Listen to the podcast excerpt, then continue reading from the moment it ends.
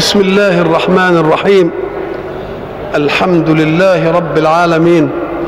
والصلاة والسلام على أشرف المرسلين وخاتم النبيين ورحمة الله للعالمين سيدنا محمد وعلى آله وصحبه أجمعين.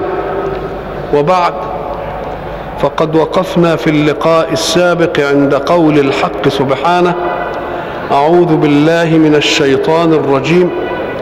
وهو الذي أنشأ جنات معروشات وغير معروشات والنخل والزرع مختلفا أكله والزيتون والرمان متشابها وغير متشابه مشتبها وغير متشابه. كلوا من ثمره إذا أثمر وآتوا حقه يوم حصاده. ولا تسرفوا. إن الله لا يحب المسرفين. وقلنا إن قول الحق أنشأ يعني أوجد على إبداع لم يسبق له مثيل. فلم يكن هناك نماذج حكاها الله في الخلق وإنما هو ابتدأها بغير مثال سابق لأنه لا يوجد خالق سواه والخالق إذا لم يكن سواه فإنه حين يخلق ينشئ خلقا على على غير شيء كان قد سبقه. وقلنا كلمة جنات تؤدي ما نعرفه من المكان المحدد الذي يجمع صنوف الزروع والثمار مما نقتات به ومما نتفكه. وإنما سمي جنة وجمعت جنات لأنه المادة كلها الجيم والنون تدل على الستر وعلى التغطية.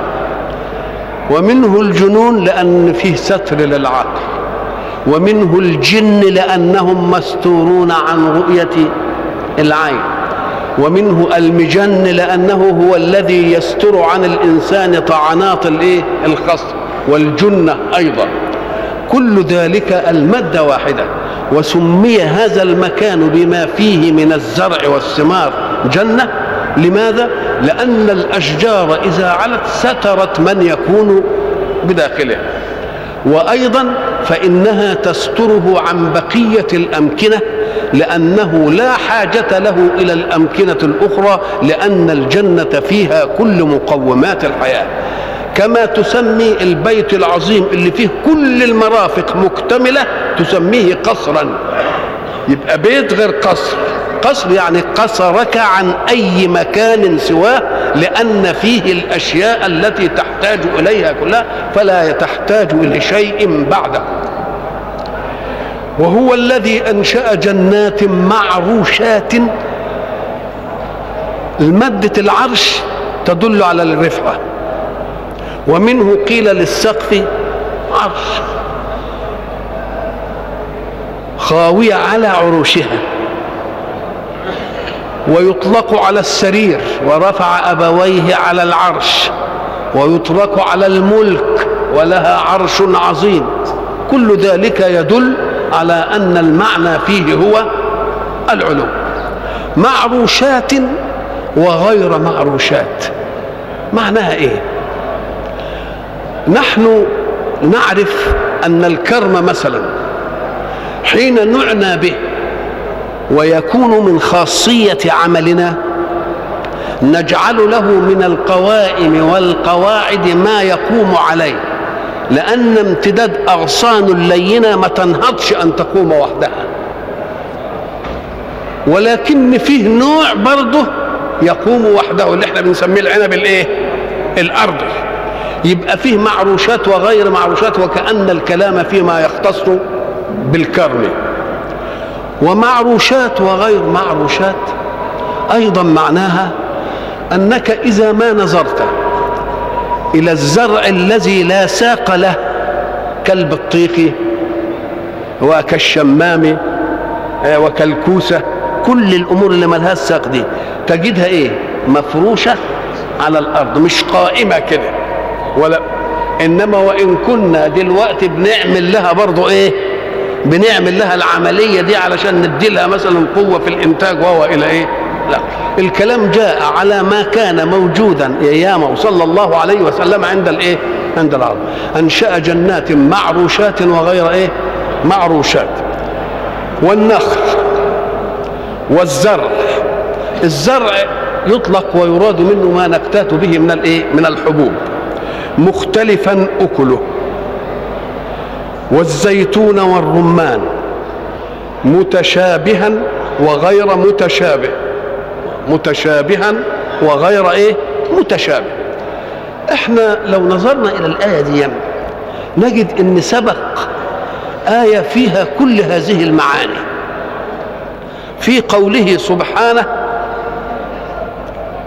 وهو الذي أنزل من السماء ماء فأخرجنا به نبات كل شيء فأخرجنا منه خضرا نخرج منه حبا متراكبا ومن النخل من طلعها قنوان دانية وجنات من أعناب والزيتون والرمان مشتبها وغير متشابه.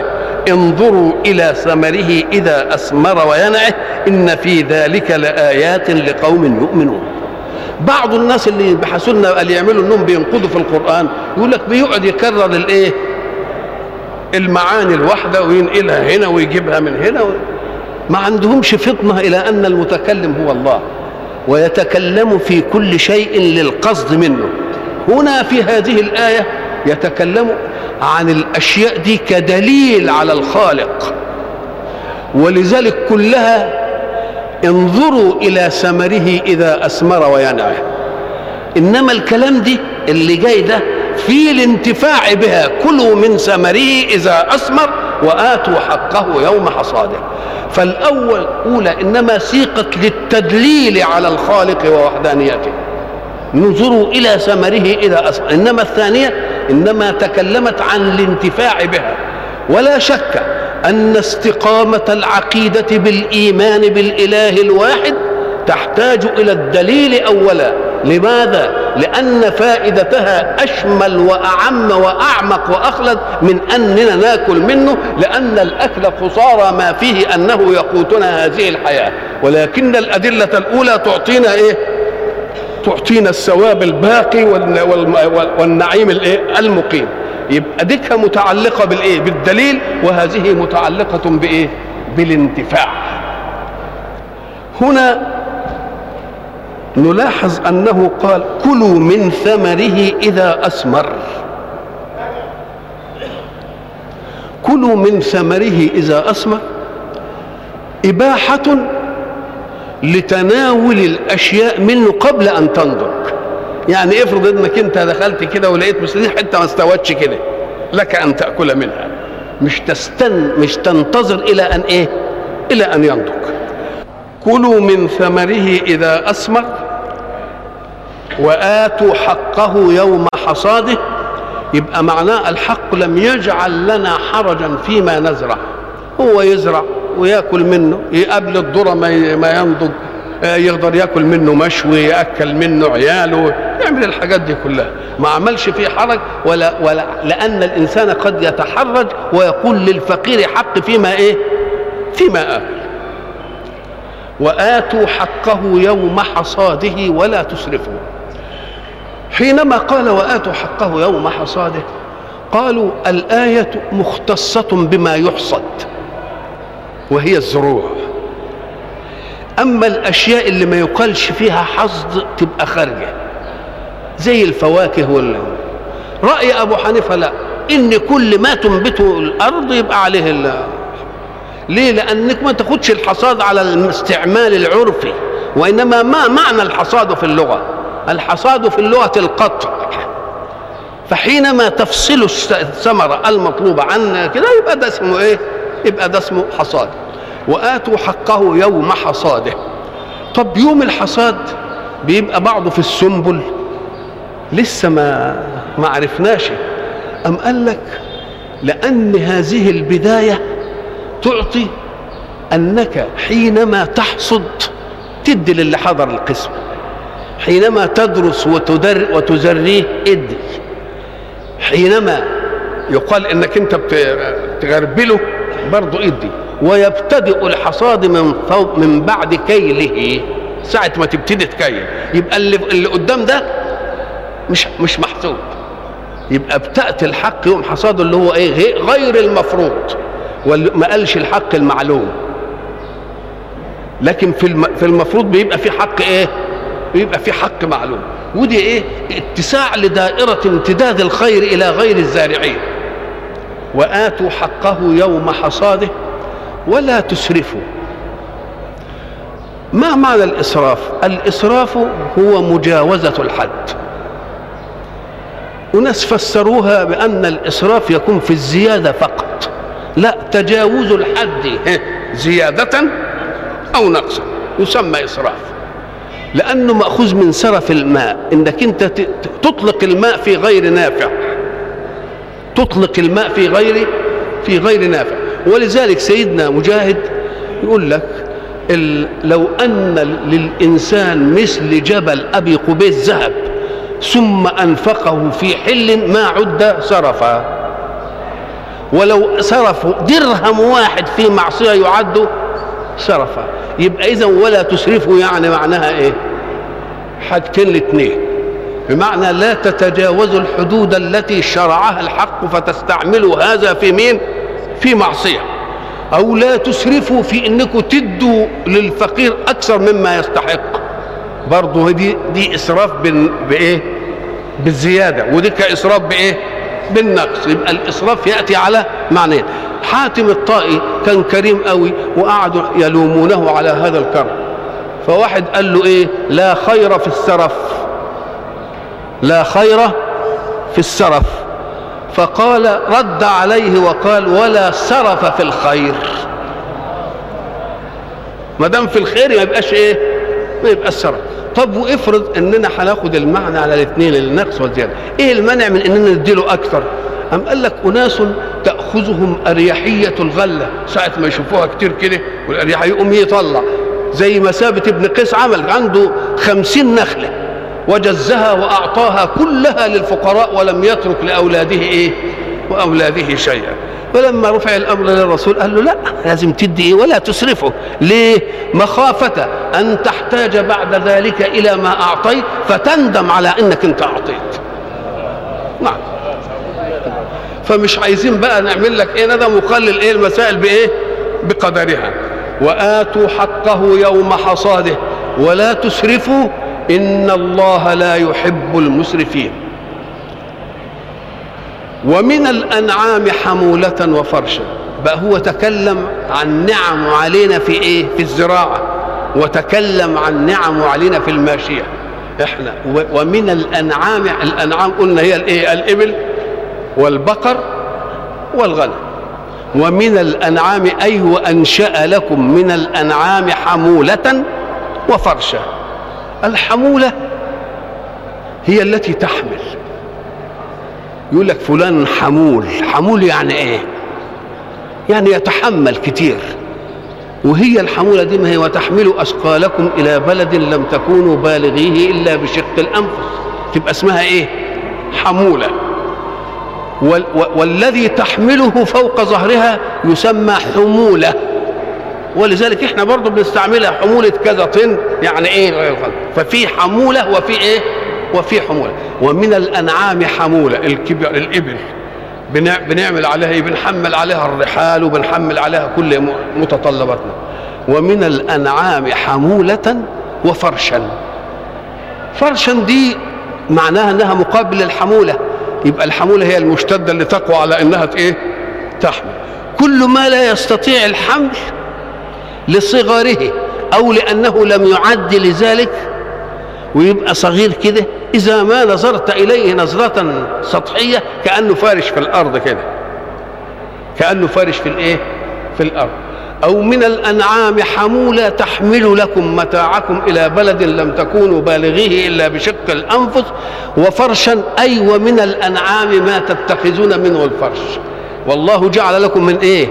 من بيوتكم إيه؟ سكنا وجعل لكم من جلود الأنعام بيوتا تستخفونها يوم ظعنكم ويوم إقامتكم ومن أصوافها وأوبارها وأشعارها أساس ومتاعا إلى إيه؟ إلى حين. ومن الأنعام حمولة وفرشا كلوا مما رزقكم الله. حمولة وفرش ما جابتش ريحة سيرة الأكل.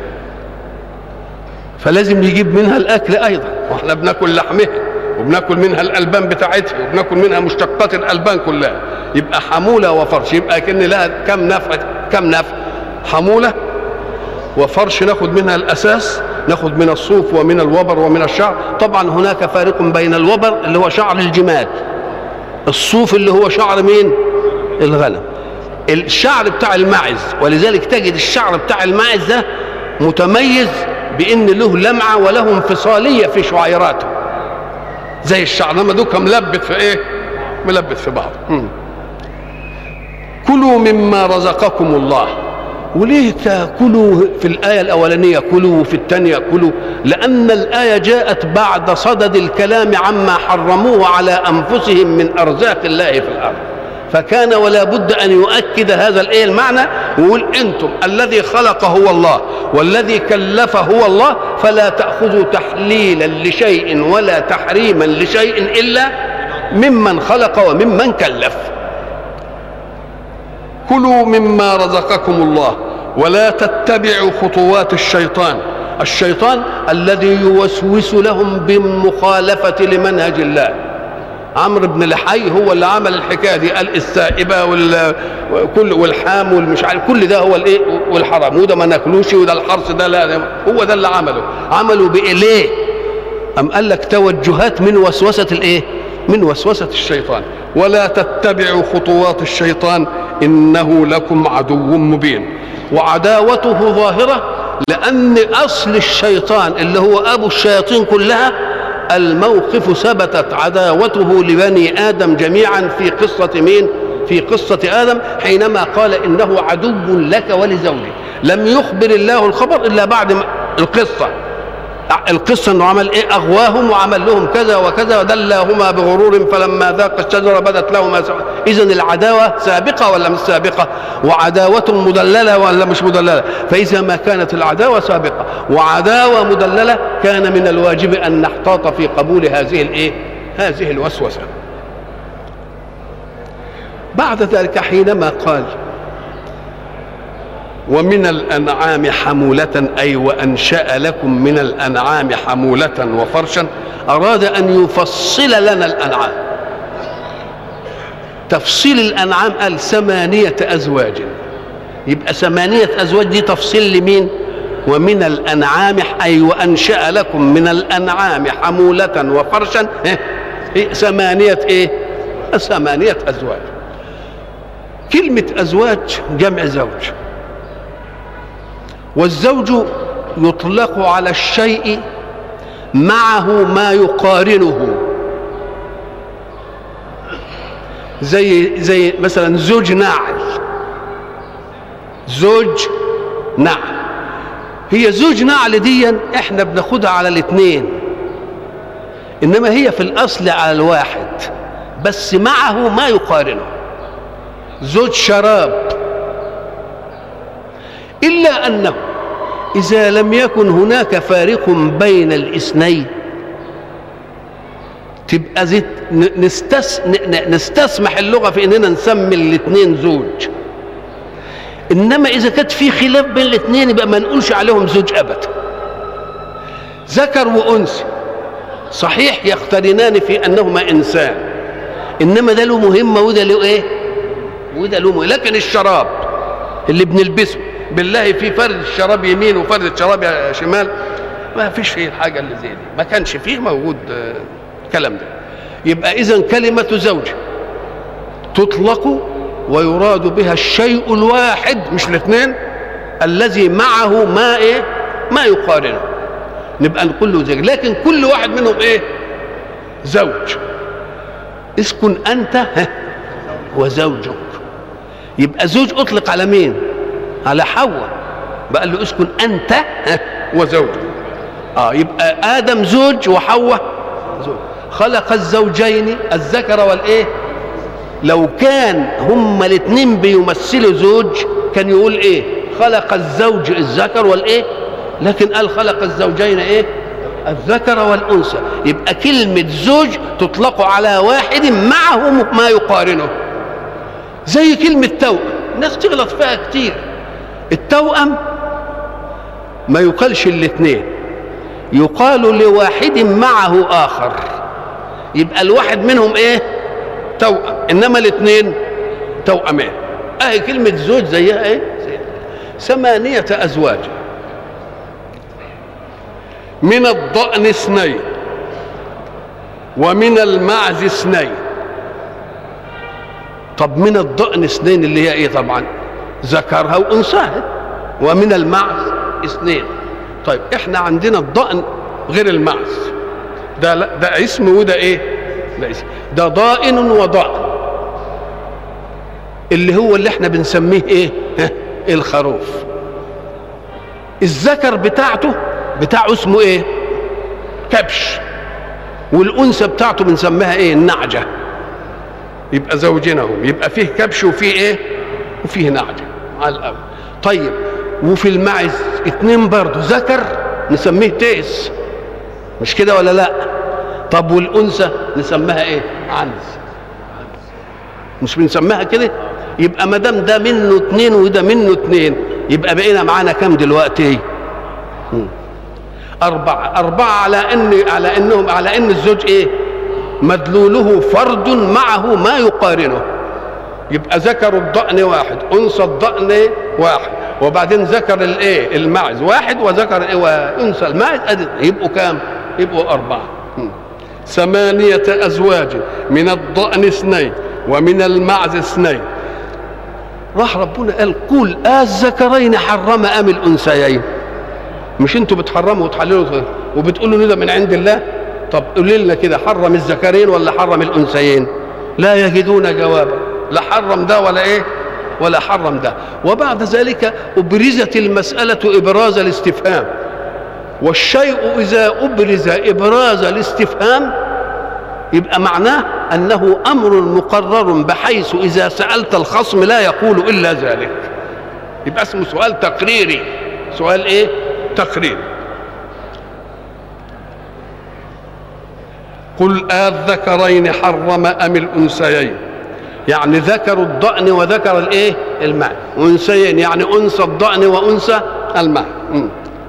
أما اشتملت عليه أرحام الأنثيين.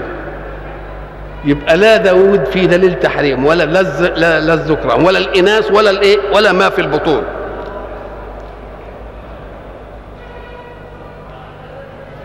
نبئوني بعلم إن كنتم صادقين في التحريم. إن كان التحريم من عندكم فهو مردود لأنكم لستم أهلا للتحريم. إنما يحرم ويحل من خلق وشرع. فإن كان عندكم علم قولوا لنا هذه. علشان يلتمسوا علم ما عندهمش إيه؟ ما عندهمش علم. ومن الإبل اثنين. الإبل اثنين يعني ذكر وإيه؟ الذكر اسمه إيه؟ جمل. والأنثى اسمها ناقة. ومن الإبل اثنين ومن البقر اثنين. برضو ذكر وإيه؟ وأنثى. طب الذكر من البقر بنسميه إيه؟ ثور والأنثى من من البقر. لا أهو ده بقى اللي غلط فيه بعض الناس كتير يقول لك انها بقرة. البقرة اسم لكل واحد منهما حتى الذكر. اسم لكل واحد منهما حتى الإيه؟ إنما ثور وثورة. إنما الناس اقتصروها قال لك بقر وإيه؟ بقر وبقرة. م.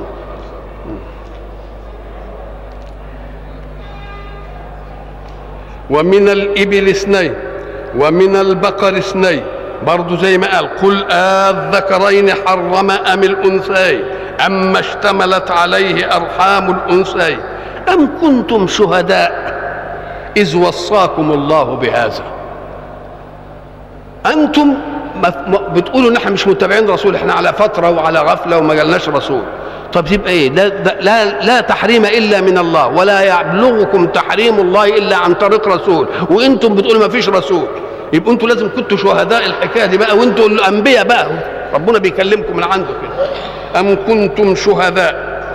إذ وصاكم الله بهذا. فمن أظلم ممن افترى على الله كذبا ليضل الناس بغير علم. إن الله لا يهدي القوم الظالمين.